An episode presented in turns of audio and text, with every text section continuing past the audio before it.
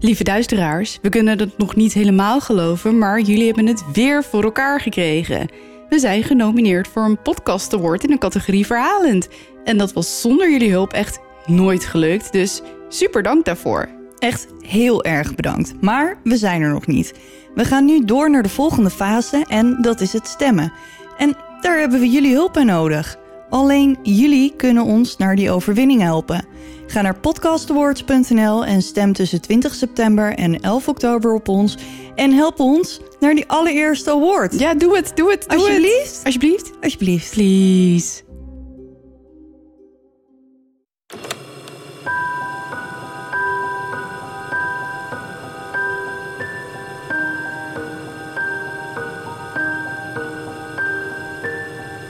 Dit is Duister. Een podcast waarin je wordt meegenomen naar het onbekende, het onbegrijpelijke. Zwarte bladzijden van de geschiedenis komen voorbij. Hier hoor je de verhalen achter moord, doodslag en onverklaarbare gebeurtenissen.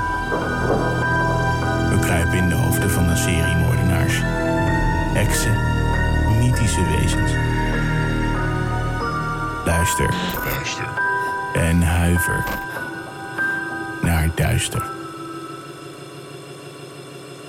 Welkom duisteraars bij aflevering 5 van Duister de podcast, de podcast over true crime en paranormale zaken. Dit is Kim. Hoi. En dat is Daphne. Hoi. en we hebben weer twee spannende zaken voor je in petto. Dus welkom iedereen. Fijn dat jullie luisteren. Ehm, huishoudelijke mededeling. Volg ons eh, lekker op Instagram, het Duister de Podcast. En op Facebook. Gewoon even zoeken op het Duister de Podcast. Dat vinden we super leuk. want de socials zijn al eh, lekker actief, hebben we gemerkt. Vooral Instagram. Er zijn al verschillende ervaringen binnengekomen. Die slaan we allemaal op en dan komen ze vanzelf een keer voorbij. Ja, superleuk om te lezen dat jullie ons leuk vinden. Ja, echt. Dat horen we graag. ja, dan- heel graag. Sommige ook met tips en zo. Dus dat is echt heel cool. Ja. Nou, we hebben een eh, lekkere regenachtige avond eh, vanavond. Ik was hier zo aan toe. Ja, ik ook. Heel fijn. We hebben net geen onweer, dat is jammer. Dat gaat langs ons Ja, heen. en ik las, ik hoorde net op de radio alweer dat we een hele zonnige week in het vooruitschieten hebben. Nou, dat hoeft van mij niet hoor. Nee, voor mij ook niet. Nu alweer klaar. En de zomer moet nog komen. Nee, Ja. laat het maar lekker oktober worden. Ja. Dat, eh, nou ja, Houden we meer van. ja, een beetje treurig weer. Ja. Goed, zullen we beginnen? Ja.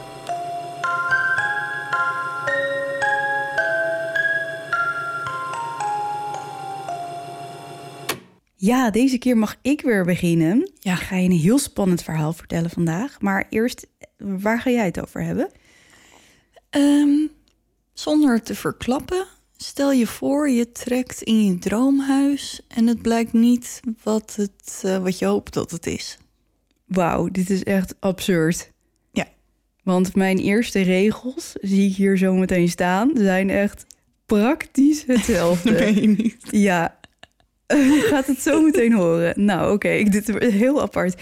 Het is sowieso een beetje een rare avond. Want we begonnen met een sto- storing in de microfoon. En daarna gingen de lampen ineens uit en aan. Dus Ja, het is een, een, een, eh, een avond vol... eh, ja, dus we hebben nu precies drie kaarsjes. We kunnen elkaar niet zien. We zitten wel op voldoende afstand, dus dat helpt ook wel, denk ik. Maar eh, het zet wel lekker zo de sfeer Ja, neer. Het, gaat, het gaat de goede kant op.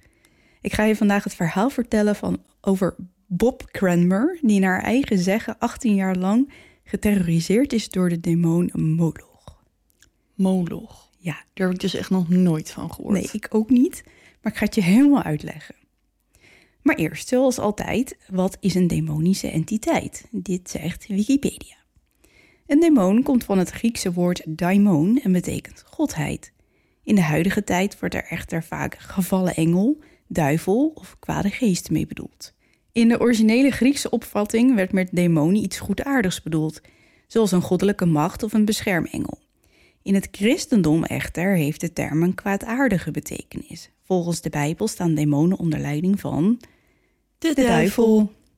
Dat was natuurlijk vrij simpel. Ja. Maar vandaag dus Bob Cranmer en zijn familie. Want wat ik net tegen jou zei dat ik zo ab- absurd vond over dat droomhuis... Ja. daar begint mijn verhaal dus ook mee. Ja, dat vind ik zo raar. En ik wil gelijk even hier een moment pakken. We weten dus van tevoren niet welke zaak we gaan doen van Nee. elkaar. Helemaal niet. We Dus- hebben het er ook niet over. We Nee. hinten niks. We zeggen gewoon helemaal niks. Nee, Dus dan is het voor ons allebei een verrassing tijdens de opname.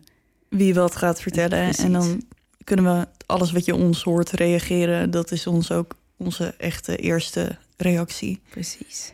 Oké, Bob. Oké.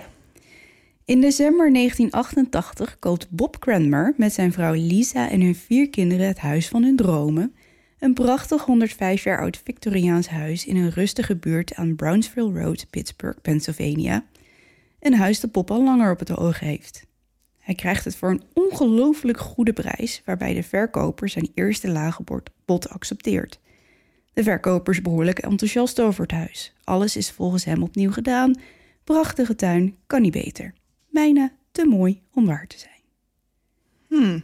Bob en zijn gezin zijn dan ook erg opgetogen als ze eindelijk in het huis mogen trekken. Maar al snel blijkt dat het inderdaad te mooi is om waar te zijn en er lijkt iets behoorlijk niet in orde te zijn in het huis. Het resulteert in een jarenlange paranormale terror. Het is nooit als het te goed is om waar te zijn, dan is het ook altijd wel te goed om waar te zijn. Ja, dat eh, Eigenlijk ja. altijd. Ja, maar Ja. als je een huis zo goedkoop kan krijgen en de eigenaar zegt eigenlijk: eh, neem het alsjeblieft, ik ben hier weg. Ja. Dan zou ik toch wel even achter mijn oren krabben als ik Bob was geweest. Ja, helemaal voor een hele goede prijs. Ja, daarom. Ja. Oké, we gaan verder. Volgens Bob waren er een aantal rare dingen gebeurd voordat ze zelfs maar volledig waren ingetrokken. Een voorbeeld is dat hij op een dag zijn jongste zoon, Bobby, Bobby Jr., Mm. Huilend op de trap vindt terwijl ze rondkijken op het terrein, nog voordat ze het huis gekocht hebben. Destijds schrijft hij het af als onschuldig, maar na de verhuizing wordt het steeds vreemder. Het begint met een simpel eigenaardig gevoel bekeken te worden en een ondefinieerbaar gevoel dat er iets niet klopt, ondanks het feit dat het huis aan de oppervlakte heel normaal lijkt. Het voelt alsof er iets in de muren zit, een soort ongrijpbare woede die zich onder het charmante veneer bevindt in de prachtige sierlijsten van de deuren en de kostbare Victoriaanse tapijten. Dit is wat Bob er zelf over zegt. Vanaf het eerste moment hadden Lisa en ik altijd het gevoel dat we niet alleen waren in dat huis. Dat we door iemand in de gaten werden gehouden. Ik kan me de sensatie nog zo duidelijk herinneren. We voelden ons omringd door het verleden. Bijna alsof we erin leefden. Dat we slechts tijdelijke bezoekers waren, die uiteindelijk zouden worden verdreven. Naarmate de tijd verstrijkt, wordt het ondefinieerbare gevoel omgezet in daadwerkelijke paranormale gebeurtenissen. Het begint vrij onschuldig, lichten gaan aan en uit, voorwerpen dat hadden wij net ook. Ja, oh jee. Oh god. Oh dear. Ehm, voorwerpen worden op andere plekken teruggevonden. Het touwtje van de hanglamp is ineens om de lamp gewikkeld in plaats van hangend naar beneden. En dit gebeurt echter zo onopvallend allemaal dat de familie denkt dat ze het zich verbeelden en ze maken er zelfs wat grapjes over. Net als met vorige week dat de laden van de kast in één keer open stonden. Ja, en dat ze denken dat de kinderen er wat mee te maken hebben. Ja, zo van eh hou er eens mee op, want Ja. het is nu niet meer grappig. Ja. Weet je wel, een beetje dat werk. Maar al snel wordt de activiteit agressiever. Ze horen hard gebonk uit het plafond en voetstappen rennen op de zolder. Deuren knallen open nadat er eerst hard op gebonkt is. Als ze gaan kijken is er uiteraard helemaal niemand. Maar de familie wordt pas echt bang als ze een kruis in tweeën gebroken vinden op de vloer. Oeh, dat is echt nooit een goed teken. Dat is inderdaad not so good. Nope. Nope. Bovendien lijkt er iets heel erg mis te zijn met een kamer in het huis die ze de blauwe kamer noemen. Er is altijd wel een kamer met een kleur, toch? Ja. Serieus. Dat is, dat is een ding of zo. ja, maar dat is hetzelfde als een vrouw in het wit. Ja, ja hoeveel ladies in white er niet tegen zijn gekomen, dat is nou ja, niet op twee handen meer te tellen. Nee. Ieder, ieder spookhuis heeft een, een Ja. lady in white. Behalve uh, Lab Castle, want die heeft er eentje in Oh de ja, rood. ja dat, dat was de rode dame. Ja. Ja, klopt. Oké, goed. Dit huis dus, de blauwe kamer. En dat omdat deze kamer blauw behang heeft en een blauw tapijt. Maar volgens de kinderen die daar slapen, bezit het ook een kwaadaardige bovennatuurlijke kracht. Vind ik voor een kind best wel Ja. heftig om dat te constateren. Maar goed, dit is, het, dit is het verhaal. Wat opvalt aan deze kamer, die recht aan de trap grenst, is dat er een kleine klopper op de deur zit. Dit is belangrijk, dit moet je onthouden. Oké. Klop, klop. De kinderen weigeren om in de kamer te slapen om er, of om er zelfs maar in de buurt te komen, klagend dat er iets engs in zit en wat deze aanwezigheid ook is, het begint zichzelf langzamerhand steeds zichtbaarder te maken. En dit als een schaduwachtige entiteit omhult in wat eruit ziet als een zwarte mist en meestal gevolgd door een stank. Dit is wat Bob allemaal zegt, hè? Mhm. Aanvankelijk alleen waargenomen binnen de muren van de blauwe kamer. Dus het beperkt zich nog tot die kamer. Als een soort van elementaal. Ja, zoiets. Oké. Een van de meest angstaanjagende ontmoetingen met deze vreemde verschijning is als Bobs schoonzoon een pikzwarte schaduw ziet boven een van de kinderbedden. Omdat de schoonzoon hoorbaar schrikt, verdwijnt de schaduw in een donker hoekje van de kamer. Op een ander moment ziet Bobs kleinzoon de zwarte schaduw kruipend op zich afkomen en begint ontroostbaar te huilen en te schreeuwen: Monster, monster, het zal me opeten. Ah, vet zielig. Ja. Kun je het je voorstellen, een zwarte schaduw vanuit de hoek van de kamer die ineens op je afkruipt? Nou, ik heb een zwarte hond, dus dat gebeurt nog wel eens. Maar ehm, Ja, maar die is niet heel eng. nee. Nou ja. Oh, nou ja, er zijn heel veel mensen die hem wel heel eng vinden. ja. Maar nee, oh, nee. Maar voor een klein kind is dat denk ja, ik het echt... is toch super eng. En sowieso, die zijn toch altijd bang voor monsters in hun bed of in de kast en zo. Ja, precies. Nou goed, dit gaat dus jaren zo door en volgens Bob wordt de entiteit brutaler en gewelddadiger. Het verschijnt zelfs in andere delen van het huis en het kruipt s'nachts door de muren de slaapkamers in. Ze zien hem uit het behang komen en dan kruipt hij naar ze toe. Ik krijg er echt... Ja, ik weet dat ik het zelf heb opgeschreven, maar ik zie het helemaal voor me. Ik kan daar niet tegen. Ja, weet je waar, waar dit me heel erg aan doet denken? Nee? Ehm, oh god, weet het programma nou? De, de Paranormal Files met Amy en die Ja. Italiaanse ja, ja, ja, ja, ja. eh, uit Brooklyn. Was het niet de Dead Files? De Dead Files, ja. Ja, En dat is het Aan het eind- echt een keer kijken. Ja, en aan het eind van de aflevering, Amy die is helderziende, medium, Ja, ja, ja. Zij geen kan met doden praten. Zij, zij voelt en ziet dingen. Mhm.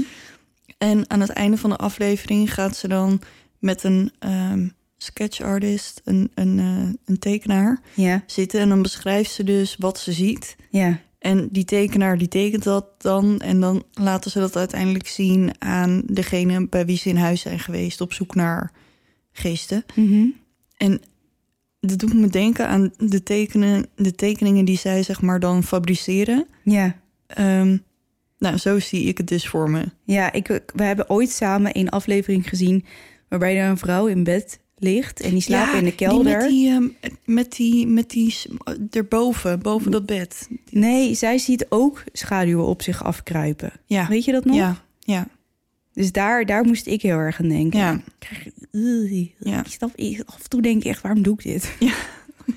Omdat we ervan houden om... Ja, maar dat is het. is een soort van een rare verslaving of zo. Ja, Oké, nou, ze zien dat ding dus uit het behang komen en dan kruipt hij dus naar ze toe.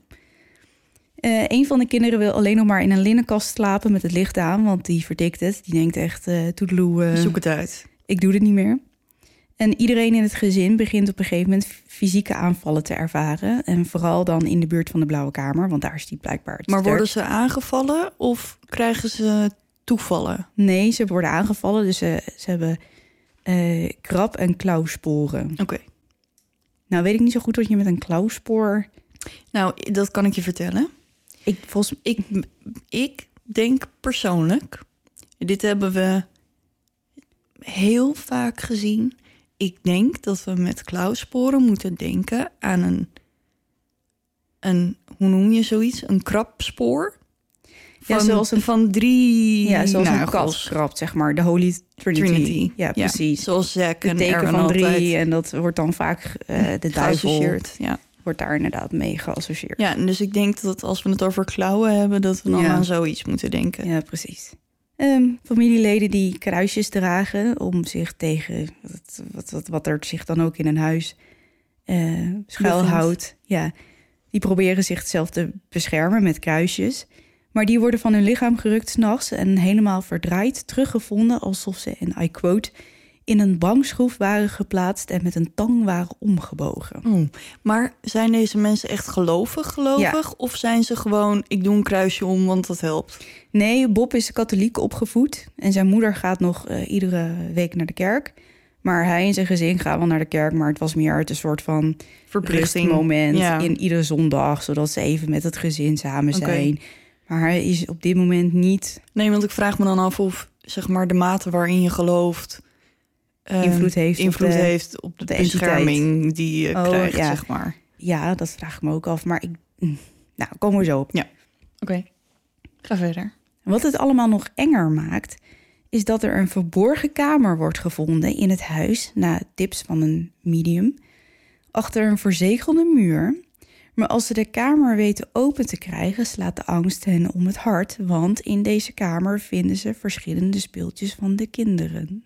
Ah, van de kinderen die nu daar wonen. Ja, Oeh, is het een oubliette?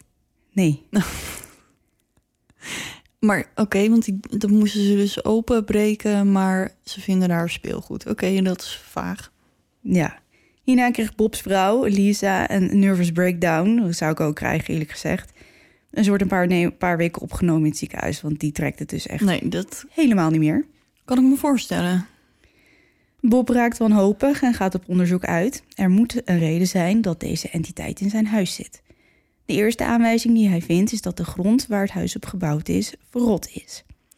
Na de onderzoek wijst uit dat in 1792 een immigrant uit Engeland een huis liet bouwen op de grond, maar hij betaalde een van zijn werknemers niet, waarna deze de grond vervloekte. Daarna werd het gezin dat vervolgens in het huis ging wonen bloederig vermoord door de Indianen Oh, hun skalploze lichamen begraven in de huidige voortuin. Ja, maar Ja. ja, 1792 was op zich niet een hele leuke Nee. tijd in Amerika. Nee. Maar dat is nog niet het ergste. Bob komt erachter dat er in de jaren 20 een dokter in het huis opereerde. Een zekere dokter M. En dokter M was wat men in die tijd de speciale dokter noemde. Als vrouw zijnde ging je alleen naar zijn huis als je Een abortus abortus wilde laten plegen. Dit was in die tijd nog illegaal en het liep ook vaak niet goed af. Veel vrouwen stierven tijdens zo'n ingreep door gebrek aan hygiëne of doordat ze te veel bloed verloren. Dr. M was geen fijne vent. Hij was ruw, gemeen en meestal dronken. Ja, dat zal de zaak niet geholpen hebben. Nee. Omdat abortus dus, wat ik, in die, wat ik al zei, in die tijd verboden was... huurde hij een kamer in het huis van Bob... om het minder op te laten vallen dat hij met illegale praktijken bezig was. Maar wisten die mensen van wie dat huis was, wat hij aan het doen was? Of Ja, het, er woonde een echtpaar en die waren ook meestal dronken. En zij hadden financiële problemen. Dus en- zolang er geld binnenkwam, Ja, knepen precies. ze gewoon een oogje toe. Ja, ze, ze deden niks. En omdat ze zelf allebei een alcoholverslaving hadden... Moet je toch ergens je geld vandaan halen? Precies, dus ze lieten die dokter lekker zijn gang gaan. Ja. Eh dokter M woonde zelf twee huizen verderop. Dus Oh, nou, hè? Om vrouwen ongezien bij het huis te laten komen, liep de oprijlaan tot aan de achterkant van het huis en konden vrouwen via de achterdeur direct de trap op naar de kamer met de Klopper. klopper. Goed, nou ja, ik, eh, ik zou hier echt van freaken als ik, dit, als ik hier achter kwam. Ja. Ehm, Bob die neemt contact op met een priester. Hij is tenslotte katholiek opgevoed. Maar goed, hij krijgt contact met Father Ron Lenwing. En deze Father Ron is, ik vind het een beetje grappig eerlijk gezegd. Geloof het of niet, maar een soort van duiveluitdrijver slash medium Slash paranormaal onderzoeker. is zoiets. Het is een beetje vaagjes. Maar goed, hij wordt dus gestuurd vanuit de katholieke kerk. Hij zuivert het huis met wijwater en hij zegt dat hij later contact opneemt. En een paar dagen later doet hij dat dus ook inderdaad. En hij komt met behoorlijk sinistere details over het huis. Want hij is medium slash... Oh, hij voelt dat en ziet Hij, dat. hij zegt dat hij beelden doorkrijgt. En nou ja, dat, dat is het dan. Mhm. Hij vertelt aan Bob dat veel vrouwen gestorven zijn in het huis. Hoe kan het ook anders? Een vrouw stierf onderaan de trap. Een andere in de badkuip samen met haar baby. Een jong meisje zit kermend op de grond met naast haar een pot vol met bloed en iets lijkt wat op, wat op een geaborteerde voet is, lijkt. Er zijn bloederige lakens, bloed op de vloer, bloed op de muur, bloederige instrumenten. En er staat een rozenstruik in de tuin waar Lisa af en toe rozen knipt, maar dat mag ze niet meer doen van Vader Lenwin, omdat het de demon sterker maakt. En dit zou zijn omdat de resten van enkele voldragen baby's daar liggen. Maar, oké, dus die die bemesten zeg maar de rozen. Neem ik aan dan. Nou, niet per se bemest, maar het feit dat ze daar liggen en die rozenstruik die groeit daarop. Ja. Dat, ja, iets misschien van negatieve energie of Ja. verdriet of iets in die struik gaat dan weer mee het huis in en dat sterkt dan de demon. Ja, oké. Maar ik vind het al heftig genoeg. Ja. Ehm, Vader Ron begint een vermoeden te krijgen met welke demon ze te maken kunnen hebben, namelijk met de afgod Moloch. En Moloch was of is, want ja, ik weet, het is natuurlijk niet dat demonen niet meer bestaan, toch? Nee, die zijn er toch gewoon. Ja, dus was of is, nou ja, oké. Maar goed, hij is dus een, een Kanaïtische afgod. En eh, Canaan eh, is een gebied uit de oudheid, rond 2000 jaar voor Christus, even klein zijspoor. En had een enorme handelsnetwerk en het wordt ook wel het beloofde land genoemd. Dus Mhm. het land dat God aan Abraham beloofde nadat hij 40 jaar in de woestijn, eh, Mhm.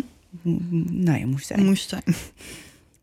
Eh, meerdere goden werden in die tijd aanbeden. Mensen spiegelden hun leven aan de goden. Had je geluk, dan waren de goden je goed gezind. Had je pech, dan waren de slechte goden dus aan de beurt. Moloch, dus, die afgod, die werd aanbeden met mensenoffers. Het liefst Oh, tuurlijk. kinderen of baby's. Oh. Kinderen werden dan ook op gruwelijke wijze geofferd. En ik, hier krijg ik echt verdriet van, serieus. De baby's werden in de handen van een hol metalen beeld gelegd... dat aan de onderkant met vuur verwarmd kon worden... zodat ze levend gekookt werden. Oh, weet je waar me dat dan denken? Nee. Je hebt toch zo'n marteltechniek eh, uit de middeleeuwen... dat ze ratten in een hete emmer Ja. stopten. En, En, dan, op je buik. Ja, en Ja, dan en konden dan- ze alleen nog maar naar beneden door je buik heen eten... om zeg maar van die hete Ja, eh, emmer weg te gaan weg eh, door je lijf te vreten. Ja, ja. dat is ook geen fijne dood. Nee, maar op zich is marteling... Nou, sowieso niet. Maar Nee. Ook de naam Sati komt naar voren. Zij was de gemalin van Moloch en zij dwong vrouwen hun baby te offeren. Vandaar de vele geaborteerde kinderen. ik denk het... Ik weet het niet. Maar wat ik hier een beetje uit opmaak is dat die demon is gekomen nadat dokter M Ja, zijn vreselijke praktijken daar ja uitvoerde. uitvoerde. Ik denk niet dat hij daar al zat en dat toen dokter M kwam en dacht... Hey. hey, dat is...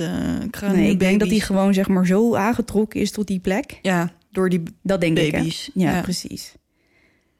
Vader Ron die krijgt via allemaal rijke politieke vriendjes. Het was heel uitzoekwerk dit. En ik, dacht, ik had het helemaal uitgegeven. En ik dacht, weet je wat? Laat maar. Het maakt niet zoveel uit wie vriendjes was met wie. Maar goed, hij had dus rijke vriendjes. En hij krijgt toestemming van de katholieke kerk... om de demon uit te drijven via meerdere sessies. En nu is het dus super ingewikkeld. Nou, niet om een, om een, om een, om een sessie te doen... maar wel om het voor elkaar te krijgen. Ja. Want eigenlijk moet je dus aan een heel veel soort van regeltjes voldoen. Moet je dan ook niet toestemming van de paus krijgen of zo? Nee, niet van de paus, maar wel van... Ergens in het Vaticaan. Ja, en er moet ook een heel onderzoek ingesteld worden. En ehm, nou, ze doen het echt niet zomaar, zeg maar. Nee. De situatie moet dermate ernstig zijn dat ze dan... Nou ja, dat Willen ze doen, Dat gaan ja. doen ja. Nou, ze gaan dus uitdrijven en dat doen ze via meerdere sessies. En dit heeft een verloop van een aantal maanden waarbij steeds wijwater wordt gebruikt en Bob iedere paar dagen versen uit de Bijbel moet opzeggen.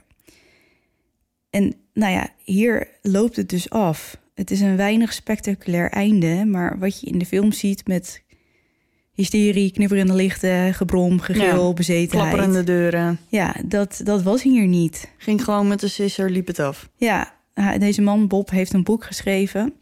En hij zegt ook, it ended with the, with the, with the whimper, zeg maar. Met, Ja. een, met een, ja, met een, met een zuchtje. Want Ja. er was geen heftige...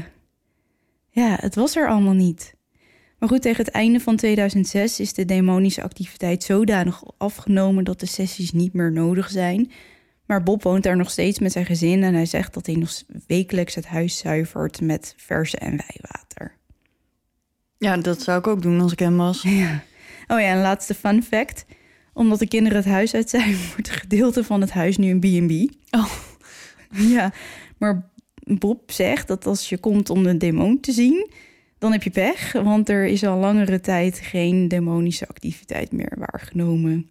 Dus hij is of zo wel verzwakt dat hij niet meer echt kan spoken. Ja, Of het huis is zo vaak gereinigd met versen uit de Bijbel en ja dat hij bijwater. ergens anders eh, dat is gaan gewoon spoken. gegaan. Ja, ze zeggen nog wel af en toe knipperende lampen te hebben. En soms beweegt het draadje van de, van de hanglamp nog. Maar het is niet meer Heel erg. dat. Maar is hij dan niet bang dat er dan spookjagers komen... die hem dan uit gaan zitten dagen... en dat het dan weer van vooraf aan begint? Nou, er is een Ghost Hunters groep geweest. Ehm, een Paranormal State heet ze. Ze hebben schijnbaar een aflevering gemaakt onder een soort van pseudoniem. Want Bob wilde niet dat zijn familie en zijn huis bekend werd. Ja, Ik heb mijn best gedaan om te vinden, maar dat is mij niet gelukt. Maar ik heb ook niet, eerlijk gezegd, niet heel veel toegang tot download dingen en weet ik veel allemaal. Bij mij gaat het allemaal via YouTube. En, nou. ja. Maar misschien ehm, dat ik het spook kan vragen of hij een poging wil wagen. Want ik wil het eigenlijk best wel graag zien. Maar dat is gemaakt onder de naam ehm Hellmouth. En dat zou dan over dat huis gaan. En er is ook een... Bob heeft... Ik, alle informatie heb ik uit, een, uit zijn eigen boek van Bob. En dat Mhm. heet The Demon House of Brownsville Road. Dus als het je interessant lijkt, dan kun je sowieso dat boek lezen. Wat was je vraag ook weer? Over of ze niet bang zijn dat als het een B&B wordt... dat er dan Oh, ja. spookjagers komen die hem uit gaan zitten dagen. En dat het dan weer Eh, terugkomt. En toen begon jij over die investigators. Oh ja, ja, ja. Nee, ja. Oh ja, dat slaat eigenlijk nergens op, hè? En blijkbaar hebben ze daar wat gedaan. ja, ze hebben zo. inderdaad wel geprobeerd contact te leggen, maar dat lukte niet zo. Niet als in dat hij antwoord gaf met hi, dit ben ik. Ja, Maar er is wel onderzoek gedaan. Alleen zij kwamen niet echt veel verder. Op een gegeven moment is dat team ook weer weggegaan, want ze konden gewoon niet zoveel meer doen. Nee. Het was gewoon echt goed tegen kwaad. En dit, is niet, dit was niet zo'n geval van... eh, hallo, ik ben een demon en ik kom jou irriteren. Het was gewoon, ja, wat ik zeg, goed tegen kwaad. Het, ja. het kon alleen verdreven worden met versen uit de Bijbel en wijwater. En, sterk geloof. Ja, en op een gegeven moment, en Bob die zegt ook dat hij in de Blauwe Kamer echt maandenlang non-stop ehm The Passion heeft afgespeeld op een videorecorder. Dat die film, weet je ja, wel? ja, ja, ja. Ja, dat gaat over het leven van Jezus Christus. En eh, blijkbaar werd die demon daar echt super, super kwaad van. Want die dacht echt, wat is dit? Ik, Ga weg. ga weg Nou, met nou, moet, Jezus. nou moet ik zeggen, maakt niet uit wat voor film het is. Maar als je dat op repeat voor me afspeelt, word ik vanzelf ook wel geïrriteerd. ja. Dus op zich, Ja. hè. Maar hij, het, blijkbaar was het enige wat hielp was God en de Bijbel. ja. ja, nou ja, goed. Ik ben blij dat het geholpen heeft. Ja, het, dat zeg ik. Het is niet zo'n spectaculair einde, maar het verhaal dat daar een dokter was die vrouwen aborteerde, of eigenlijk baby's aborteerde. En dat die dan. eh naar man. Ja, en er zal weinig eh, positieve energie eh, aan overgebleven zijn aan die dat denk ik ook praktijken. niet. Dat was het. Ja. Wat vond je ervan? ja, ik had, ik had hier dus echt nog nooit van gehoord. Nee, ik ook niet. Dus dank je wel voor het delen van dit verhaal. ja, man. Ja, ben je klaar voor die eh, van mij? Ja. Oké.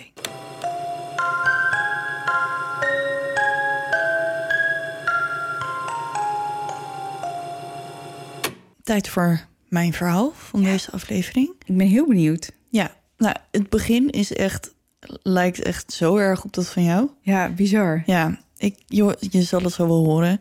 Eh, voordat ik begin, wel even een ehm, korte waarschuwing. Ik heb echt heel erg mijn best gedaan om dit verhaal zo logisch mogelijk op te schrijven. Ja.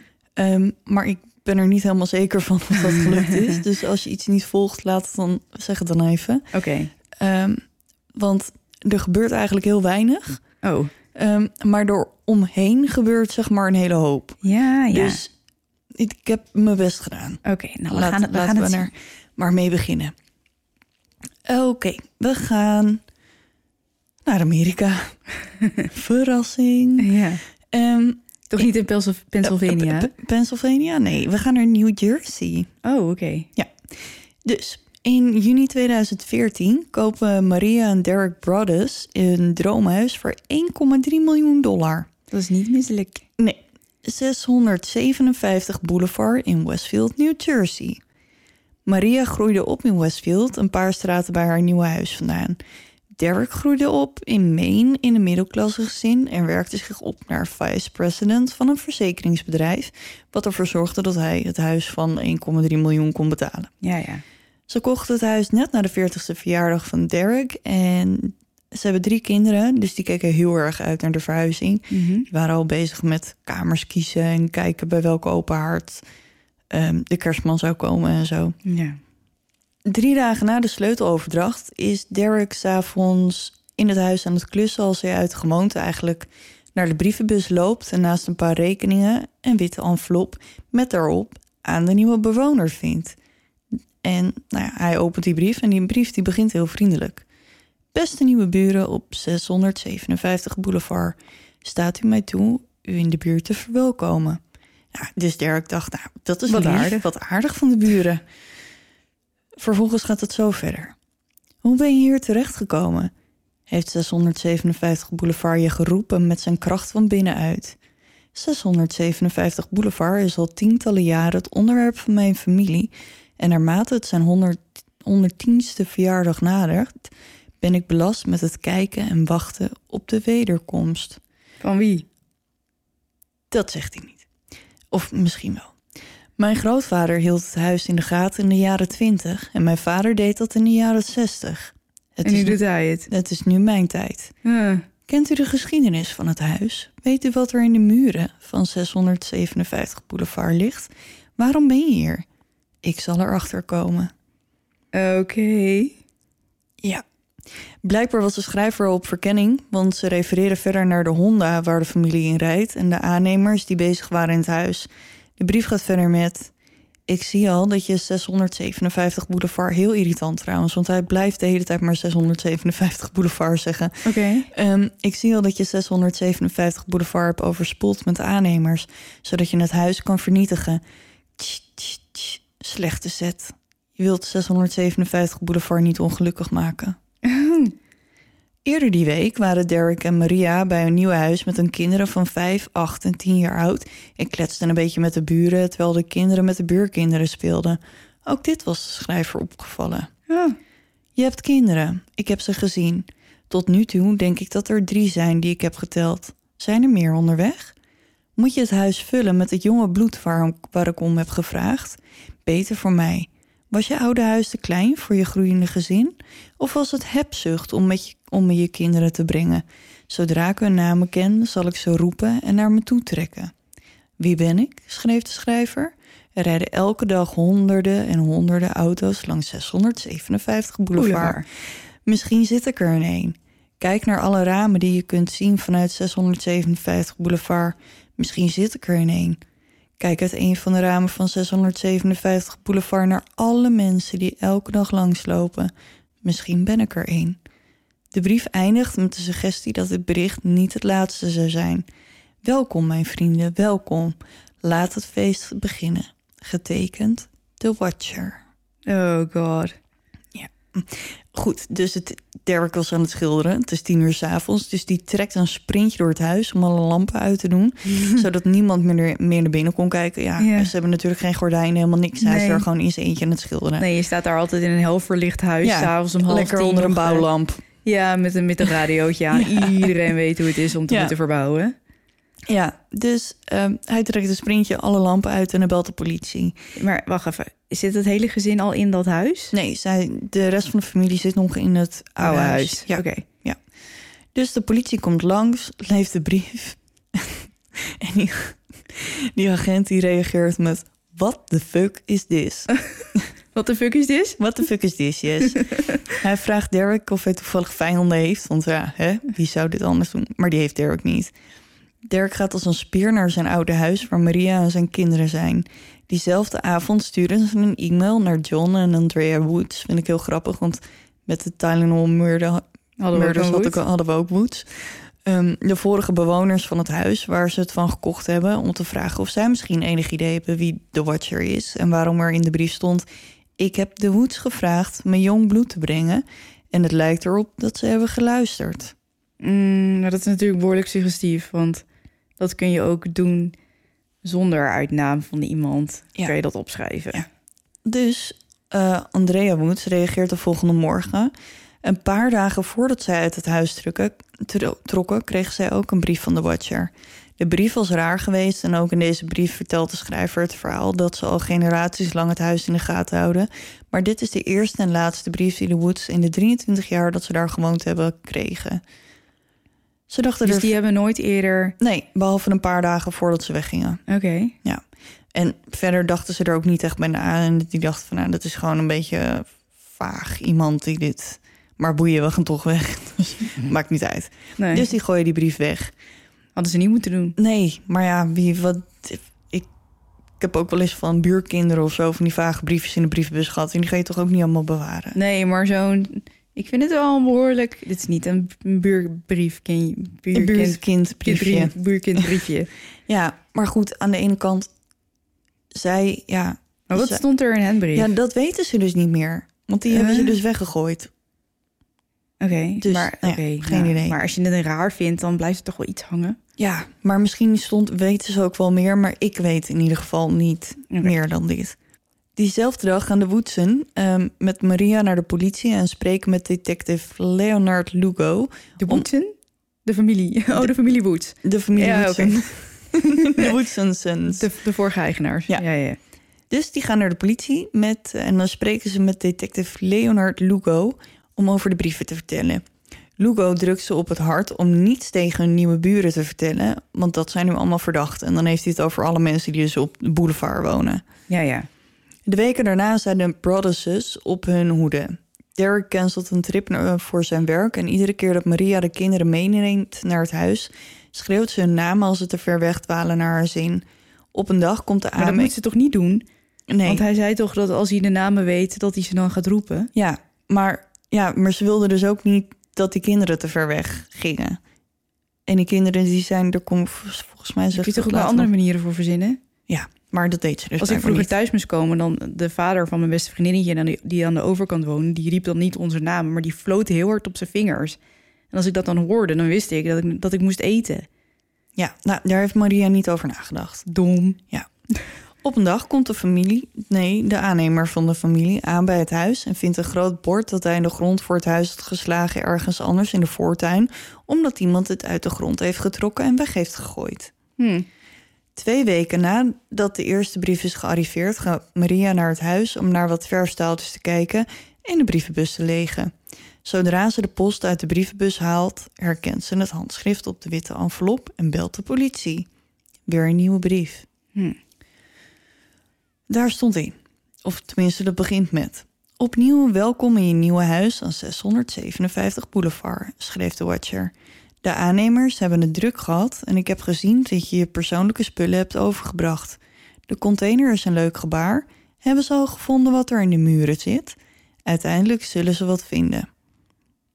En deze keer richt de brief zich direct tot Derek en Maria, alsof de Watcher hun namen ergens heeft opgevangen. Ook weet de schrijver de bijnamen van de kinderen te noemen, die Maria door de tuin heeft geschreeuwd en de volgorde waarin ze geboren zijn. Oh, tuurlijk. Het gaat verder. Het doet me genoegen nu uw namen te kennen en de namen van het jonge bloed dat u me hebt gebracht. U zegt hun namen zeer vaak. De brief vraagt in het bijzonder naar één kind die de schrijver heeft gezien terwijl ze aan het schilderen was op de veranda. Is zij de kunstenaar van de familie? 657 Boulevard wil graag dat je intrekt. Het is jaren en jaren geleden dat het jonge bloed de gangen in het huis beheerste. Heb je alle geheimen die het bevat al gevonden? Speelt het jonge bloed in de kelder of zijn ze te bang om daar alleen heen te gaan? Ik zou heel bang zijn als ik hem was. Het is ver weg van de rest van het huis. Als je boven was, zou je ze nooit horen schreeuwen. Of slapen ze op zolder? Of slapen jullie allemaal op de eerste verdieping? Wie heeft de slaapkamers aan de straatkant? Ik weet het zodra je intrekt. Het zal me helpen te weten wie in welke slaapkamer is, dan kan ik beter plannen. Met alle ramen en deuren in 657 Boulevard kan ik je in de gaten houden en je volgen terwijl je door het huis loopt. Wie ben ik? Ik ben de Watcher en heb nu al bijna 20 jaar de controle over 657 Boulevard. De familie Woods heeft het aan u overgedragen. Het was hun tijd om verder te gaan en het, vriendelijk, en het vriendelijk verkochten toen ik erom vroeg. Ik kom vele malen per dag langs. 657 Boulevard is mijn werk, mijn leven, mijn obsessie. En nu zijn jullie dat ook. Brothers Family. Welkom bij het product van uw hebzucht. Hebzucht bracht de afgelopen drie families naar 657 Boulevard en nu brengt het u naar mij. Heb een fijne verhuisdag. Je weet dat ik zal kijken. Dus, Hm. Ja. Oké. Ja. Nou, ik was niet verhuisd. ehm, maar die andere families, die zijn dus niet vermoord of zo. Nee. Dus in hoeverre is dit een gevaarlijke gek? ja, Ja. dat weet niemand. Ik ben heel benieuwd hoe dit afloopt. dat is de kat. Als Ja. je denkt, wat is dat voor geluid? Dat is de kat, Emily. Of Spamily. Of Want- spam. Of Spammy. Die eh, komt even buurten. Dus als je iets hoort mouwen, dan is het geen spook. Nee. Goed. Na deze brief stopten Derek en Maria met het meebrengen van hun kinderen. Op een moment wisten ze niet wanneer of dat ze überhaupt in een nieuwe droomhuis zouden trekken. Ja, precies dat, dat. zou ik ook niet weten. Nee. We maken even een uitstapje om Westfield te beschrijven en te begrijpen hoe het er daaraan toe gaat. Westfield ligt op 45 minuten rijden van New York, dus het is voor forensen prima te doen naar New York en terug. Mhm. Ze krijgen de rust die ze zoeken en zijn toch dicht bij de stad. Er wonen voornamelijk rijke gezinnen. In 2018 scoorde Westfield de 99ste plaats van rijkste plaatsen in Amerika en de 18e in New Jersey. En in 2014, het jaar van de brieven, was het volgens Neighborhood Scout de 30ste veiligste plaats in Amerika. Oké. Als het gaat om het kopen van huizen in Westfield spelen veel geld en grote ego's een grote rol. Ah ja. volgens de bewoner van de plaats. Het huis van de Brothers was een van de meest gewilde huizen. Als je op de boulevard woonde, dan heb je het pas echt gemaakt. Mhm. 657 Boulevard, gebouwd in 1905, was het mooiste huis van de straat. Als de Woodsen het op de markt zetten, krijgen ze meerdere biedingen, ook boven de vraagprijs. Dit zorgde er in de eers- eerste instantie voor dat de Brotherson de Watcher ervan verdenken een van de mensen te zijn die ze hebben overboden, omdat die Ja, dus het huis ja, niet gekregen ja, hebben. Dus die dacht, ik ga even een sadistische grap uithalen om ze en een dan beetje krijgen te ze pesten. spijt en dan gaan ze weg. Ja, en dan kan ik het toch kopen. Ja. De Woodsen weerleggen dit echter. Volgens hen is één bieder afgehaakt om medische redenen en de ander vond een ander huis dat ze kochten. Nu zijn de Brothersen weer helemaal terug bij af. Want wie is het dan? Ja. Andrea Woods komt met een andere theorie. Zou het iemand uit de buurt kunnen zijn? Dit omdat er in de brieven te lezen valt over de aannemers en de kinderen. Dit zou betekenen dat iemand in de buurt is die dus alles op de voet volgt en een Ja, beetje ja. uit zijn raam zit te loeren. Niks anders te doen heeft dan met de telescopie. eh, Ja, te begluren. ja. Want als je een dorp verderop woont, dan zie je dat. Maar Dat waarom dingen. sowieso geobsedeerd zijn met één familie en één huis? Ja, geen idee. Dat is sowieso al freaky natuurlijk. Ja. Nou, nu gaan we weer even terug naar de brieven. Ze komen gewoon met de post, gebracht door de postbode. Dus ze worden niet door de schrijver zelf in de brievenbus van het huis gedaan. Nee, want anders zou het natuurlijk een kwestie zijn van een cameraatje ophangen. En Ja, dan heb je dus vrij volgende- snel kun je zien wie die brieven post. Ja, maar ze komen gewoon met de postbode. Ja, dus ze worden echt ergens anders op de post gedaan met een postzegel. En dan eh, ontdekken ze later dat de brieven komen via het postsorteercentrum in Kearney. Dat is in het noorden van New Jersey. En ja, daar worden ze gesor- gesorteerd en daar vandaan worden ze dan Door op de post door, gedaan. op de post gedaan Ja, en precies. bezorgd. De eerste brief is gedateerd op 4 juni, terwijl toen de verkoop nog helemaal niet bekendgemaakt was. En een dag nadat de eerste aannemers arriveren. Maar hoeveel, hoeveel tijd zit er tussen? Ja, dat weet ik niet precies, want ik kan dus, ik weet alleen dat ze ergens in juni dat huis gekocht hebben. Oké, dus die brief, die, die, die schrijver, die heeft het geschreven voordat de verkoop van het huis Openbaar, gemaakt is. Ja, het is dus en die wel heeft, dus verkocht. die heeft dus gewacht met het op de post doen van die brief nadat de aannemers er al. Dus daar, daar moet echt wel een tijd tussen gezeten hebben. Ja, Dus hij wist dat al eerder. Ja. Jezus, maar dan moet het toch bijna een soort van insider zijn? ja. Het is de makelaar. Mm, Nee? nee, Oh, jammer. nee. Dacht ik doe een wilde gooi. Ja, nee. Leuk geprobeerd. Maar goed, Detective Lugo komt langs bij Derek en Maria en ze leiden hem rond in het huis en laten hem de veranda zien waar een dochter op een ezel aan het schilderen was geweest toen ze gezien werd door de Watcher. De veranda is alleen eigenlijk helemaal niet te zien vanaf de straat, want die, is, die zit een beetje aan de zij achterkant van het huis, dus er staan allemaal bosjes en planten en Hij zo lag in de bosjes. Misschien was het een bosjesman. Oh nee. Maar dan, dat betekent dus wel dat er iemand in de tuin heeft gestaan. Ja, precies. er keek iemand uit op een huis. Dus vanuit De buren. omliggende huizen. Want anders dan, ja, het is niet alsof je als je op de straat voor het huis staat, dat je die veranda kan zien. Nee, dus iemand heeft echt moeite gedaan om daar te komen.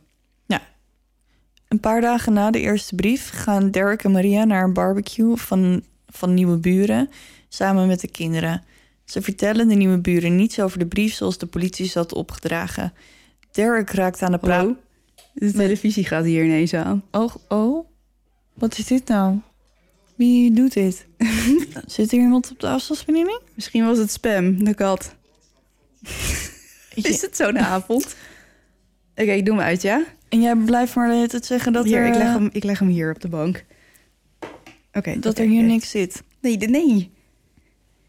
Oké, ga verder. Dit was heel raar. Ja, dat was echt... Oké, ik eh, begin even opnieuw, want ik ben het helemaal kwijt. Ja, is goed. Een paar dagen na de eerste brief gaan Derek en Maria naar een barbecue van nieuwe buren samen met de kinderen. Ze vertellen de buren niets over de brief zoals de politie ze had opgedragen. Derek raakt aan de praat met John Smith, die twee deuren verderop woont. John vertelt hem over de Langfords die precies tussen hem en de Brothers inwonen. De Langfords bestaan uit Peggy Lang Langford, een weduwe van ergens in de negentig, en een paar van haar volwassen kinderen die ergens in de zestig zijn. Oké, en die wonen allemaal nog in dat huis. Ja, een paar. Hm, gezellig. Ik weet niet hoeveel het er zijn, want dat kon ik nergens vinden. Maar het zijn er meer dan drie, denk ik. Kinderen zijn- dus. Ja, het zijn, in ieder geval, het zijn in ieder geval drie kinderen. En die wonen bij hun 90-jarige bejaarde moeder. Ja. Of ik weet, nou ja, ik weet niet of wie er wel woont en wie niet. Maar er wonen er in ieder geval een paar. Volgens John zijn de Langfords een beetje raar, maar onschadelijk. Hij beschrijft een van de jongere Langford-zonen, Michael, die niet werkt en een baard had. Nou, bedankt voor de info, John. Ja. Hij had een baard. Nou, daar schiet wel echt wat mee op. Op dit moment denkt Dirk dat hij de daders gevonden heeft. Ja, want die Het zijn waren de- raar. Het, het, het zijn zij. Ja, het waren de Langfords. Ze woonden precies naast zijn huis en keken zo op de veranda met de ezel. De familie woonde al sinds de jaren 60 in het huis toen de vader van de Watcher het huis in de gaten hield. Richard Langford, de man van Peggy, was 12 jaar eerder overleden en de Watcher schrijft dat hij het huis al meer dan 10 jaar in de gaten hield. Hm. Wat dus zou betekenen dat hij het van zijn, vader, over heeft ja, genomen. precies. Derek gaat met deze informatie naar detective Lugo. Die vertelt vervolgens dat hij dat al wist... en dat hij Michael een week na de eerste brief... al op het politiebureau had ondervraagd... maar dat hij alles ontkende. Ja. Ja. Maar, Maar, waarom deelt hij dat dan niet met... ja, geen idee. is toch handig? Ja, dat zou je zeggen van wel. Maar goed, communicatie heeft niet iedereen kaas van gegeten. Nee. Helaas was er verder geen hard bewijs, dus na een paar weken stopt het onderzoek zo'n beetje. Derek en Maria leggen zich hier niet bij neer en beginnen hun eigen onderzoek, want ze voelden zich nou, nog steeds bedreigd, aangezien ze niet weten wie de schrijver is. Maar er gebeurt ook niet echt iets of zo, toch? Nee, dat gebeurt helemaal niet. Het, het zijn twee brieven die ze tot nu toe hebben gehad. Jezus. Ja, dus Derek installeert webcams in en om het huis en spendeert nachten in het donker in het huis om te kijken of hij iemand kan zien die het huis bespiedt. Hij maakt lijsten met wel, wanneer welke buren zijn ingetrokken en maakt kaarten met welke buren er ongeveer dicht genoeg in de buurt wonen om de namen van hun kinderen op te hebben gevangen. Ze nemen ook een paar experts in de arm. Ze nemen een privédetective aan die een achtergrondonderzoek naar de Langfords, maar hij kan niks vinden. Ze nemen ook contact op met een kennis, een oud FBI-agent die Derek kent, en een ander oud FBI-agent, Robert Lanahan. Lanahan bestudeert de brieven en vindt een paar opmerkelijke dingen. Volgens hem herkent hij in de brieven een aantal dingen die erop wijzen dat de schrijver ouder is. De envelop was gericht aan M/M Brothers. Dat is ten eerste verkeerd gespeld. Hoezo? Het is Brothers van Broadway, zeg maar. Ja. En hier staat Brothers. B-R-A-D-D. Oh, oké. Ja, ja, ja. Dus die eh, een Dus hij- beetje fonetisch opgeschreven ja, waarschijnlijk. weet wel veel, maar niet alles, zeg Ja. maar. Dus de naam is verkeerd gespeld. En wat die M slash M moet betekenen, weet ik ook niet. Maar dat is blijkbaar iets ouderwets als je een brief schrijft. Oké. Ja. Echt nog nooit van gehoord. Nee, ik ook niet. Maar ik, nee, ja, geen idee. Maar dat is blijkbaar ouderwets. Oké. Ehm, de begroetingen omvatten het weer van de dag. Warm en vochtig, zonnig en koel voor een zomerdag. En die zinnen hebben dubbele spaties. De brieven hebben een zekere literaire sfeer... wat wijst op iemand die veel leest... en een verrassend gebrek aan gevloek en gescheld... gezien het niveau van de woede... waarvan Lenne hen dacht dat het erop wijst... dat de schrijver niet echt macho is... Hij denkt niet dat de schrijver echt een gevaar is, ondanks dat er ziedende woede in de brieven doorklinkt. Inmiddels is het een paar weken later en de derde brief arriveert. Nee joh. Ja. Heel veel mensen denken dat dit de laatste is, want er eigenlijk hebben in heel veel artikelen die je vindt, hebben ze dat maar over drie brieven. Maar dit is niet de laatste, spoiler. In de derde brief vraagt de Watcher zich af waar de familie gebleven is. 657 Boulevard mist jullie. Over de renovaties die de familie aan het huis heeft gedaan, heeft de schrijver ook wat te zeggen. Dat gaat als volgt. Het huis huilt van alle pijn die het doormaakt. Je hebt het veranderd en zo mooi gemaakt. Je stilt zijn geschiedenis. Het huilt om zijn verleden en wat vroeger was. In de tijd dat ik door de gangen rende en me het leven van de rijke bewoners daar verbeelde. Het huis was vol leven en jong bloed. Toen werd het oud en mijn vader ook. Maar hij bleef kijken tot de dag dat hij stierf. En nu kijk ik en wacht op de dag dat het jonge bloed weer van mij zal zijn. 657 Boulevard keert zich tegen me. Het komt achter me aan. Ik begrijp niet waarom. Welke spreuk heb je erop uitgesproken? Vroeger was het mijn vriend en nu is het mijn vijand. Ik heb de leiding over 657 Boulevard. Het is niet de baas over mij. Ik zal de slechte dingen afweren en wachten tot het weer goed wordt. Het zal me niet straffen. Ik zal weer opstaan. Ik zal geduld hebben en wachten tot dit voorbij is en tot het je jonge bloed bij mij terugbrengt. 657 Boulevard heeft jong bloed nodig. Het heeft je nodig. Kom terug. Laat het jonge bloed opnieuw spelen, zoals ik ooit deed. Laat het jonge bloed slapen in 657 Boulevard. Stop ermee om het te veranderen en laat het met rust. Hm. Oké. Ja, prettig hè? Het was niet de makelaar, het was de aannemer. Ja, ik denk het ook. Misschien was het de schilder. Maar eh, dit suggereert alsof hij daar heeft gewoond, deze Watcher. Ja, dus dat adviseert Lenne hen ook. Die ehm, adviseert om onderzoek te laten doen naar al het personeel dat ooit in het huis heeft gewerkt. Dus toch. Omdat het erop lijkt dat de schrijver kennis van het huis heeft. Maar Ja. de focus blijkt, blijft op dit moment op de Langfords. Want voordat je al die mensen hebt achterhaald, dat duurt natuurlijk eventjes. precies. In samenwerking met de politie schrijft de familie de Langfords een brief waarin ze vertellen dat ze het huis gaan slopen. Oh? In de hoop een reactie uit te lokken, maar helaas, er gebeurt helemaal niks. Mm. Ja, want ze hopen natuurlijk dat als een van de Langfords de Watcher is, willen ze niet dat het huis wordt afgebroken, dus gaan Nee, ze reageren. dat klinkt als de allerergste nachtmerrie als 600... Hoeveel is het ook weer? Sorry. 657 Boulevard. Boulevard. Ja, als dat gesloopt wordt, dan is het, dan is En het dan einde is het zoek. einde, ja. Ja. De politie ondervraagt Michael Langford nog een keer... wat ervoor zorgt dat Abby, de zus van Michael... de politie van intimidatie beschuldigt. Huh? Ja, omdat hij twee keer is ondervraagd. Uiteindelijk nemen de Brothers een advocaat in de arm, Lee Levitt. De advocaat gaat met de Langfords in gesprek... en laat ze de brieven lezen, maar iedereen ontkent. Eind 2014 zat er echt geen schot meer in de zaak. De schrijver had geen digitaal spoor achtergelaten, geen vingerafdrukken, helemaal niks. Dus alle aanwijzingen waren nu al onderzocht. Derek laat vervolgens de brief aan zijn priester zien, die toestemt om het huis te zegenen. Huh? Ja, ik weet ook niet waarom. Ja, maar dat is echt bizar, deze twee verhalen. Ja, maar Heet hij toevallig vader eh, Ron Lin Linway? nee, eh? ik weet niet hoe de priester heet. Maar dan Oh. nog, ik vind het gewoon een beetje. Het is geen geest. nee, of het, is een geest die brieven schrijft. Dat kan ook nog. Ik heb, ik heb trouwens geen, geen enkele theorie over geesten voorbij zien komen hierin. Dus ik snap niet per se waarom hij zijn priester erbij wilde hebben. Want ik weet niet wat die priester gaat doen tegen iemand die van binnen, van buitenuit, zeg maar, komt. Ja, dat weet ik ook niet. Een aparte move, maar oké. Ja, Als hij zich maar daar goed, prettig bij voelt. Ja, op zich kan het natuurlijk nooit kwaad om Nee. je nieuwe huis te laten zegenen. Zeker denk ik. Uiteindelijk is het huis klaar en Derek en Maria hebben geen idee wat ze moeten doen. Dit was een droomhuis waar ze in zouden trekken. Hun kinderen keken er zo naar uit. Hun eigen huis is inmiddels verkocht, dus ze trekken in bij de ouders van Maria, terwijl ze de hypotheek en de belasting van 657 Boulevard blijven betalen. Derek is een depressief wrak en Maria besluit na een bezoek aan de dokter in therapie te gaan. Haar therapeut diagnosticeert haar met posttraumatisch stresssyndroom en dat zou niet weggaan tenzij ze het huis zou verkopen. Zes maanden na de brieven besluiten ze het huis te koop te zetten. Jezus. Ja, eerst zetten ze het te koop voor meer dan 1,3 miljoen die ze ervoor betaald hebben, omdat ze er voor ongeveer een ton aan gerenoveerd hebben. Dus ja, ik kan me voorstellen dat Ze je dan willen de winst eruit. Ja, Of in ieder geval de, de de verbouwings, verbouwingskosten. verbouwingskosten.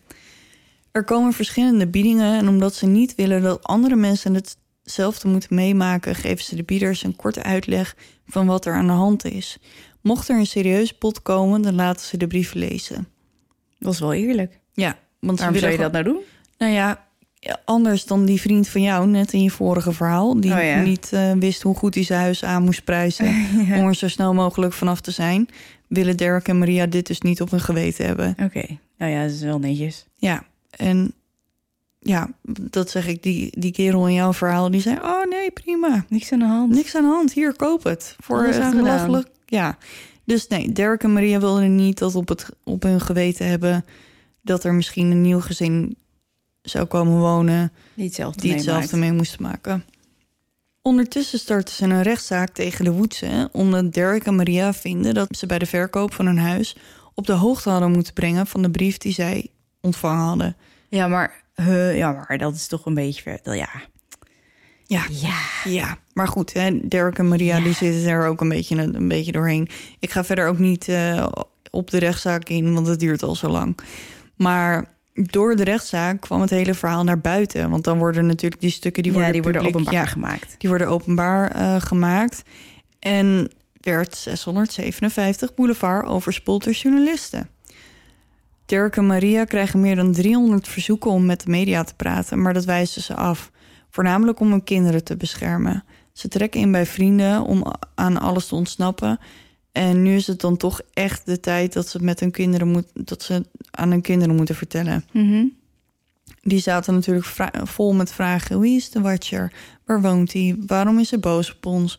Allemaal vragen die ze niet konden beantwoorden. Want we Nee. weten gewoon niet wie de Watcher is. Met het verhaal in de media kwamen er uiteraard een hoop websloots naar boven met de wildste theorieën. Iemand suggereert dat ze in de muren moeten kijken met gronddoordringende radarapparatuur. Geen idee of het trouwens echt een Nederlandse vertaling is, want het in, in het Engels is het de Ground Penetrating Radar. Gewoon Dus- een soort van uh, röntgenapparaat voor je vloer of je muur. Ja. Er had alleen al een inspecteur naar de muren gekeken en volgens hem was er niks aan de hand met de muren, alleen een beetje weinig isolatie. En dan heb ik het over een huisinspectie en niet een inspecteur van de politie. Ja, ja, ja, snap ik. Ja, een EMP. Een groep mensen op Reddit dook op Google Maps en vinden daar een auto die voor de deur van het huis staat met daarin iemand met een camera. Terwijl andere mensen alleen maar pixels zien. Dus dit is ook gewoon een beetje wat je wil zien natuurlijk. Ja. Andere theorieën zijn een boze ex-minnares, een boze makelaar, Sorry. een middelbare scholier met een project voor creatief schrijven, guerrilla marketing voor een horrorfilm Wat is dit allemaal? of winkelcentrum gothics die het wel lollig vonden. ja, nee, echt. Ik weet ook niet wie dit bedenkt. Maar goed, hè, dat waren de mensen van Reddit. Winkelcentrum Gothics. Ja, Oké. ja die heb je blijkbaar. Ik, ja, dit is natuurlijk vertaald vanuit het Amerikaans. Ja, ja. Dus het kan, ja, ik kan er, het, volgens mij stond het daar vertaald als eh ehm, Mall Gods of zo. Verder zijn er erg veel mensen die de Brothers een stelletje watjes vinden, omdat ze er niet gewoon intrekken. Want het zijn natuurlijk maar brieven. Ja, en het is nu toch oud en niet open. Dus als er ook maar iets gebeurt met de Ja. familie... Ja. Maar goed, omdat de zaak nu ineens zo in de spotlight staat, besluit oude rot in het politievak Baron Cham Chamblies Ik, ik lees de hele tijd Chablis als in de wijn. Maar het is Chambliss, denk ik. En die besluit de zaak nog eens onder de loep te nemen. Hij is ervan overtuigd dat de Brothers hier het slachtoffer zijn. Ook hij doet onderzoek naar Michael Langford. De broer van Michael, Sandy, dus dan hebben we nu drie Langford-kinderen... Mhm. vertelt hem dat Michael toen hij jong was is gediagnosticeerd met schizofrenie. Soms liet hij nieuwe buren schrikken door door een tuin te lopen... of door een raam naar binnen te kijken als er gerenoveerd werd. Ja, maar volgens mij meer uit een soort van pure nieuwsgierigheid... dan dat het echt kwaadwillig was. Michael woont daar namelijk al zijn hele leven... en iedereen omschrijft hem als onschuldig en juist heel aardig. Zo haalt hij bijvoorbeeld iedere ochtend de krant voor een buurman... buurman John Smith... en niemand ziet hem ervoor aan om de brievenschrijver te zijn. Chambliss ontdekt wel iets ander nieuws. Hij laat de brief onderzoeken op DNA en wat blijkt? Er is vrouwelijk DNA gevonden. Huh? Ja. Maria staat DNA af en Maar wordt kan toch ook van de postsorteerder zijn? kan, maar misschien, ik weet ook niet waar ze dat DNA hebben gevonden. Als het onder de postzegel zat en er heeft een vrouw aan de postzegel gelikt. Maar dat zou echt super dom zijn. Dan ga je toch niet Ja, als maar- dader een postzegel likken? nee. Maar goed, Maria staat DNA af en wordt uitgesloten, want het is geen match. Nee. Nu besluit Chambliss zich te focussen op de zus van Michael, Abby. Blijkbaar wilde hij het niet gewoon aan haar vragen. Waarom weet ik ook niet. Dus hij zorgt ervoor dat hij een waterflesje krijgt waar ze uit gedronken heeft. Ook dit is geen match, dus we zijn weer terug bij af. Niet lang daarna krijgen Dirk en Maria onverwacht bericht van de openbaar aanklager dat ze alle Langfords hebben uitgesloten als verdachten. Maar waarom en hoe willen ze niet zeggen. Oké. Ja. Nu het onderzoek van de politie Is het niet die moeder? Ja, dat.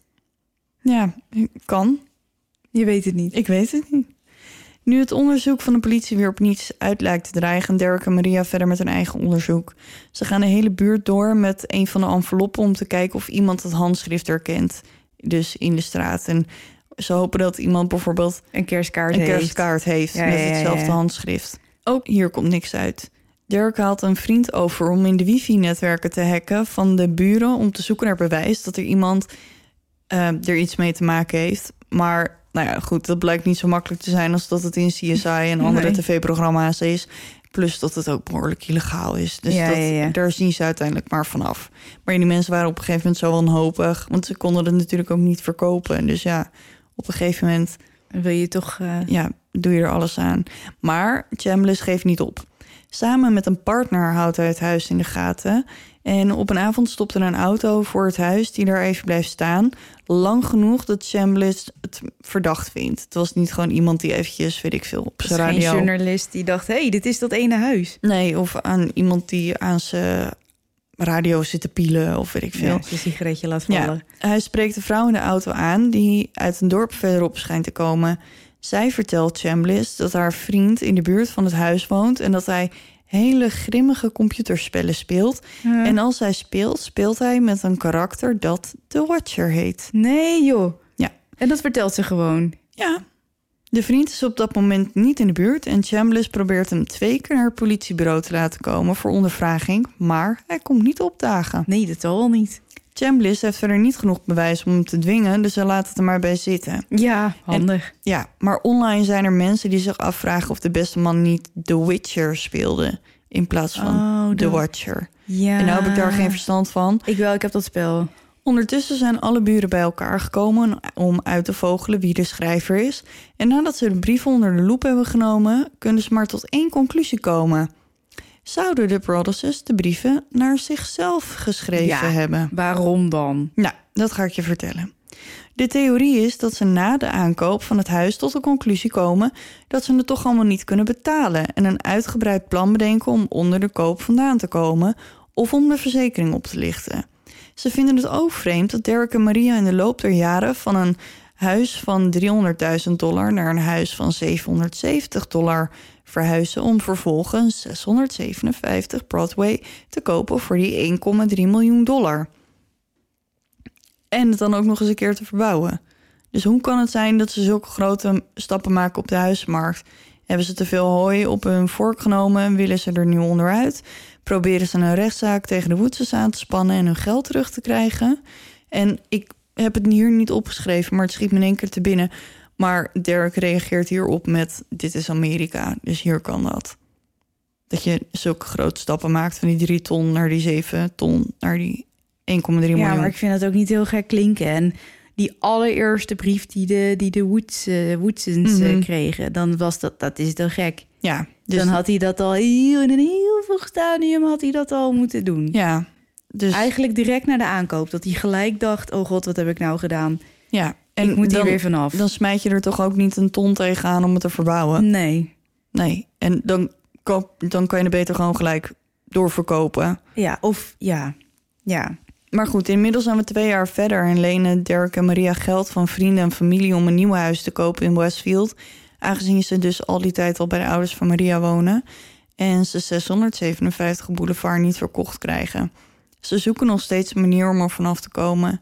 In 2016 zetten ze het weer te koop, hopend dat er veel kijkers zouden komen, omdat zoveel mensen hadden gezegd dat, er, dat ze zich niet tegen zouden laten houden door die brieven. En nou ja, dat de Brothers dus gewoon zei. aanstellers zijn. Ook nu weer komen er kijkers. En er was er zelfs één die zei: Fuck it, ik ga een huis kopen met dikke korting. Maar nadat hij de brieven gelezen had, haakt hij ook af. Hmm. Nou, wie is er dan een watje? Dus ze bedenken een nieuw plan, samen met een advocaat. Het plan is om het huis te verkopen aan een projectontwikkelaar voor een miljoen of zo, die er dan het huis plat gooit en er twee huizen voor terugbouwt. Dit idee doet het helemaal niet goed bij de gemeenteraad en het plan wordt afgewezen, dus ze zijn weer terug bij af. Na alle ellende komt er eindelijk goed nieuws. Een familie met kinderen en twee grote honden wilden het huis wel huren. Ze waren volledig op de hoogte van de brieven, maar dat boeide ze niet zoveel. De huur was niet genoeg om alle lasten van het huis te betalen. Maar voor Derek en Maria was het beter dan helemaal niets. Dus het was niet genoeg om de hypotheek en zo van te betalen. Nee. Maar het deed in ieder geval... Ja, was prima. Twee weken nadat de nieuwe bewoners intrekken... gaat Derek bij het huis langs om een probleem met eekhoorns onder het dak op te lossen. Als de nieuwe bewoner hem een envelop overhandigt. Nee joh. Hevige winden en bittere kou. Aan de gemene en hatelijke Derek en zijn trut van een vrouw, Maria. Wat? Ja, dus Derek maakt de brief open en die leest het volgende. Vraag je je af wie de Watcher is? Draai om, idioten. Misschien heb je zelfs met mij gesproken. Een van de zogenaamde buren die geen idee heeft wie de Watcher zou kunnen zijn. Of misschien weet je het wel en ben je te bang om het iemand te vertellen. Goede zet. Dan lijkt het erop dat de schrijver ze op de voet heeft gevolgd, want hij zegt de volgende dingen. Ik liep langs auto's vol pers toen ze de buurt overnamen en me bespotten. En ik keek toe terwijl je vanuit het donkere huis keek in een poging me te vinden. Telescopen en verrekijkers zijn prachtige uitvindingen. Dus toch. Ja. Ook heeft hij het over het voorstel van het stel om het huis te verkopen aan projectontwikkelaars. 657 Boulevard overleefde uw poging tot aanval en stond sterk met zijn leger van aanhangers die de poorten versperden. Mijn soldaten volgden mijn bevelen tot aan de letter. Ze voerden een missie uit en redden de ziel van 657 Boulevard. Ook de huurder werd in de brief genoemd. Hij was geschrokken, maar wilde wel in het huis blijven als de Brothers dus camera's rond het huis installeerden. Ik snap dus, ja, maar ze hadden het over webcams. Dus misschien was dat een soort van tijdelijk ding wat Derek had gedaan. En dan willen deze mensen nu camera's Ja, voor een vals gevoel van veiligheid. ja maar ik snap ook niet waarom, waarom dat er überhaupt nog niet was. Maar goed, de brief, Nee. de brief is nog niet afgelopen. Wraak kan in vele vormen komen. Misschien een, uit, een auto-ongeluk. Misschien een brand. Misschien zoiets eenvoudig als een milde ziekte die nooit lijkt te verdwijnen, maar die je dag na dag na dag ziek maakt. Misschien de mysterieuze dood van een huisdier. Geliefden sterven plotseling. Vliegtuigen, auto's en fietsen crashen. Botten breken. Gezellig. Ja. En dit is de laatste keer dat iemand iets van de Watcher verneemt. In juni 2019 verkopen ze eindelijk het huis, maar wel met een groot verlies. Ze verkopen het voor ongeveer 959.000 dollar. Maar nou ja, ze zijn er nu in ieder geval vanaf en ze kunnen verder Ja. met hun leven. In 2016 kwam er Netflix een film uit, gebaseerd op, op het verhaal. En ik heb geprobeerd om hem te zoeken, maar ze hebben hem er alweer vanaf gehaald. Oh, bammer. Ja, want ik had hem best wel graag willen zien. Maar als het goed is, heeft Netflix de rechten bemachtigd voor Netflix Original. Oh. En ik weet niet of dat een film of een serie gaat, ehm, gaat zijn en wanneer het komt. Maar blijkbaar komt het ooit. En dat is dan gebaseerd op deze. eh, Maar niemand weet wie het was. Nee, En er is nooit meer een brief gekomen naar de nieuwe eigenaren. nee. Echt raar. Ja, het is echt heel raar. Maar het lijkt het, ergens lijkt het wel gewoon een sadistische grap. Ja, En niet eens serieus, maar gewoon... ik ga deze mensen treiteren. ja ik, weet, ik weet het ook niet. En eerst denk je nou, hè, misschien doen ze het dan voor de bekendheid. Of, eh, maar ja, hij had gewoon een dikke baan bij een verzekeringsbedrijf. En ze hebben ook nooit met de media gepraat. Ik, of tenminste, er is één artikel waar ik de meeste van mijn onderzoek op gebaseerd heb. En die journalist heeft wel met het stel gesproken. Maar verder ook eigenlijk helemaal niet. Ze zijn nooit op tv geweest. Er zijn geen foto's van ze te vinden. Dus het is ook niet alsof ze dit voor de fame Ook of geen loterij gewonnen of zo. Nee, Heel raar. ja, echt een raadsel. En ik vind die Langfords, dan vind ik inderdaad die Peggy, die moeder, nog plausibeler dan, dan Michael. Want ja, dat, al die mensen die daar al zo lang in de straat wonen, die zeggen nou, het is een beetje een rare snuiter. Maar En die vriend van die meid dan, die dan The Witcher, The Watcher speelt... ja, geen idee. daar is nooit meer wat mee gedaan. Nee. Ja, maar je zou toch denken, dat klinkt toch... Maar de, hoezo Ja, maar ging die je- meid dan ook stoppen voor het huis? Ja, geen idee. Die heeft waarschijnlijk dat ook ergens in de media gelezen. En die dacht, goh, ga even kijken of zo. Maar het is natuurlijk ook niet zo'n... Was dat een kat? Ja, die heeft dus een speeltje. Oh, ik denk al, wat krijgen we nu weer? Alsof het nog niet erg genoeg is vanavond. Mijn microfoon viel net ook al even uit. Ja, we gaan wel lekker. Dus het zit er gelukkig bijna op. Oh, daar is Emily. Ja, zeg maar hallo. Niet? Oh, nou, wel dus. Ehm, maar het is natuurlijk geen... Er is niemand dood, er is niemand gewond, er is... Het is alleen maar dreigement. En dan nog niet eens. Maar dat je, daar zo, dat, je daar, dat je je daar zo door kan laten opnaaien ook. Ja, Maar je denkt natuurlijk, wat als? ja. En ze hebben drie kleine kinderen. Volgens mij heb ik het uiteindelijk niet genoemd... maar volgens mij zijn die kinderen 5, 8 en 10. Ja, zei je wel, volgens Ja, mij. nou ja, die zijn dus echt gewoon nog klein ook. Ja. Dus je weet ook gewoon niet waar je je kinderen dan naartoe brengt. Nee, en helemaal omdat hij zegt, als ik zodra ik hun namen weet, ga ik ze roepen. Ja. Ja, dus je wil gewoon het risico niet nemen. Nee. Maar wat ik net zei, het is natuurlijk... Het zijn hele duistere brieven. ja. Maar het, de, er is niet per se iets waar de politie iets mee kan. En ook juridisch gezien niet, denk ja, maar ik. het is een dreigement. ja, het is wel een dreigement, maar dat betekent niet dat ze daar met 15 man aan gaan zitten werken. Nee. Zoals je doet bij een overval of bij welk nee, eigenlijk moet er eerst iets maar. gebeuren voordat Er moet ze dat- eerst iets ja, gebeuren. Dat, dat, is het verrotte daaraan. Ja, want anders hadden ze misschien wel vanaf het begin af aan... Maar ja, weet je, het is inderdaad maar een brief. En geen, weet ik veel, er liggen geen... eh, er zijn geen dode huisdieren, geen... Nee. Er is eigenlijk helemaal niet zoveel waar de politie iets mee kan. Dus als er wel, weet ik veel, als een van die kinderen was verdwenen... dan had natuurlijk het hele politiekorps en de FBI gelijk op de stoep gestaan... om dit te onderzoeken... Maar zolang het alleen bij die brieven blijft, kunnen zij ook gewoon niet zoveel. Ja, maar daarom zeg ik, het lijkt meer op een sadistische grap. Ja, Wa- Want als er, want, eh, volgens mij is de stap tussen eh, iets denken en iets doen heel erg groot. ja, Het is een beetje een luguber voorbeeld, maar denken aan zelfmoord en het doen ja, is volgens mij, tenminste dat heb ik wel eens gelezen, die stap daartussen is enorm. En ik denk dat hetzelfde gaat, geldt voor een misdaad plegen. Iets schrijven en je fantasieën uit in een brief. Of daadwerkelijk een kind ontvoeren is volgens mij ja. ja, maar groot. het kan natuurlijk ook wel vaak... Soms begint het klein en escaleert het steeds verder naar iets groters. Dus dat kan ook nog. En nog even over dat huis, want dat heb, Maar ik, niet, heb ik niet eerder genoemd. Maar vanaf het begin af aan... Dat huis is dus, nou moet ik even denken, in 1905 of zo gebouwd. En vanaf dat moment dat er iemand in is gaan komen wonen, de eerste bewoner heeft daar een dollar voor betaald. Een soort van symbolisch bedrag. Ja. Vervolgens, ja, ik heb die tijdlijn, weet ik even niet zo uit mijn hoofd. Vervolgens slaat de bliksem in. Dan gaat het over naar een andere familie voor een dollar.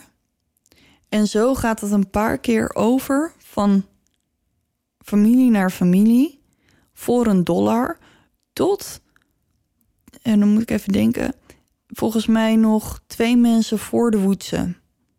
Of één iemand voor de Woetse. En dan wordt die verkocht voor drie ton. Maar al die tijd, vanaf 1905, gaat dat huis al voor een dollar van familie over op familie. Dat is ook best gek. Ja. Ja, Maar wat ik me nu in- afvraag, is dat die schrijver die zegt... er zit iets in de muren. ja. Maar dan zou je toch bijna denken dat er een lijk ligt of zo. ja blijkbaar zit er alleen maar heel weinig isolatie in. Heel apart verhaal weer. Ja. Ja, dus ik weet dat het een beetje al over de place was. Maar ik, ja, het blijft mysterie. Dus daar hou ik natuurlijk wel van. Ja, ja, En die brieven die zijn ja, best wel eng. En inderdaad, wat die agent zegt, hè.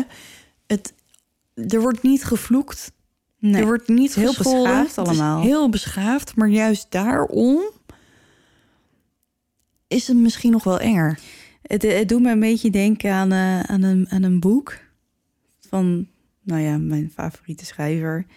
En dat gaat dan over een eh, moordenaar. Die, die moordt uiteindelijk wel. En het is natuurlijk gewoon een roman, dus het is niet echt gebeurd. Maar die stuurt eh, filmpjes. Oh ja. En dat is dan een beetje zijn, tussen aanhalingstekens, zijn handtekening. Ja. Dus voorafgaande aan de moord maakt hij een soort van filmpje. En dat is dan ja, een soort van voorbode of Ja. zo. Is niet helemaal hetzelfde, maar de, de, de, de sfeer die er omheen hangt... doet me daar een beetje aan denken. Ja, Het boek heet Mr. Mercedes, als je het leuk lijkt. van Stephen King. Yes. Dus dit was het voor deze aflevering. Ja, joh. Apart. Ja, Een hele aparte avond. Allemaal dingen die je faalden en er maar ophouden. ja en dan twee soort van gelijke verhalen over droomhuizen en zo. En... Heb jij nog mededelingen?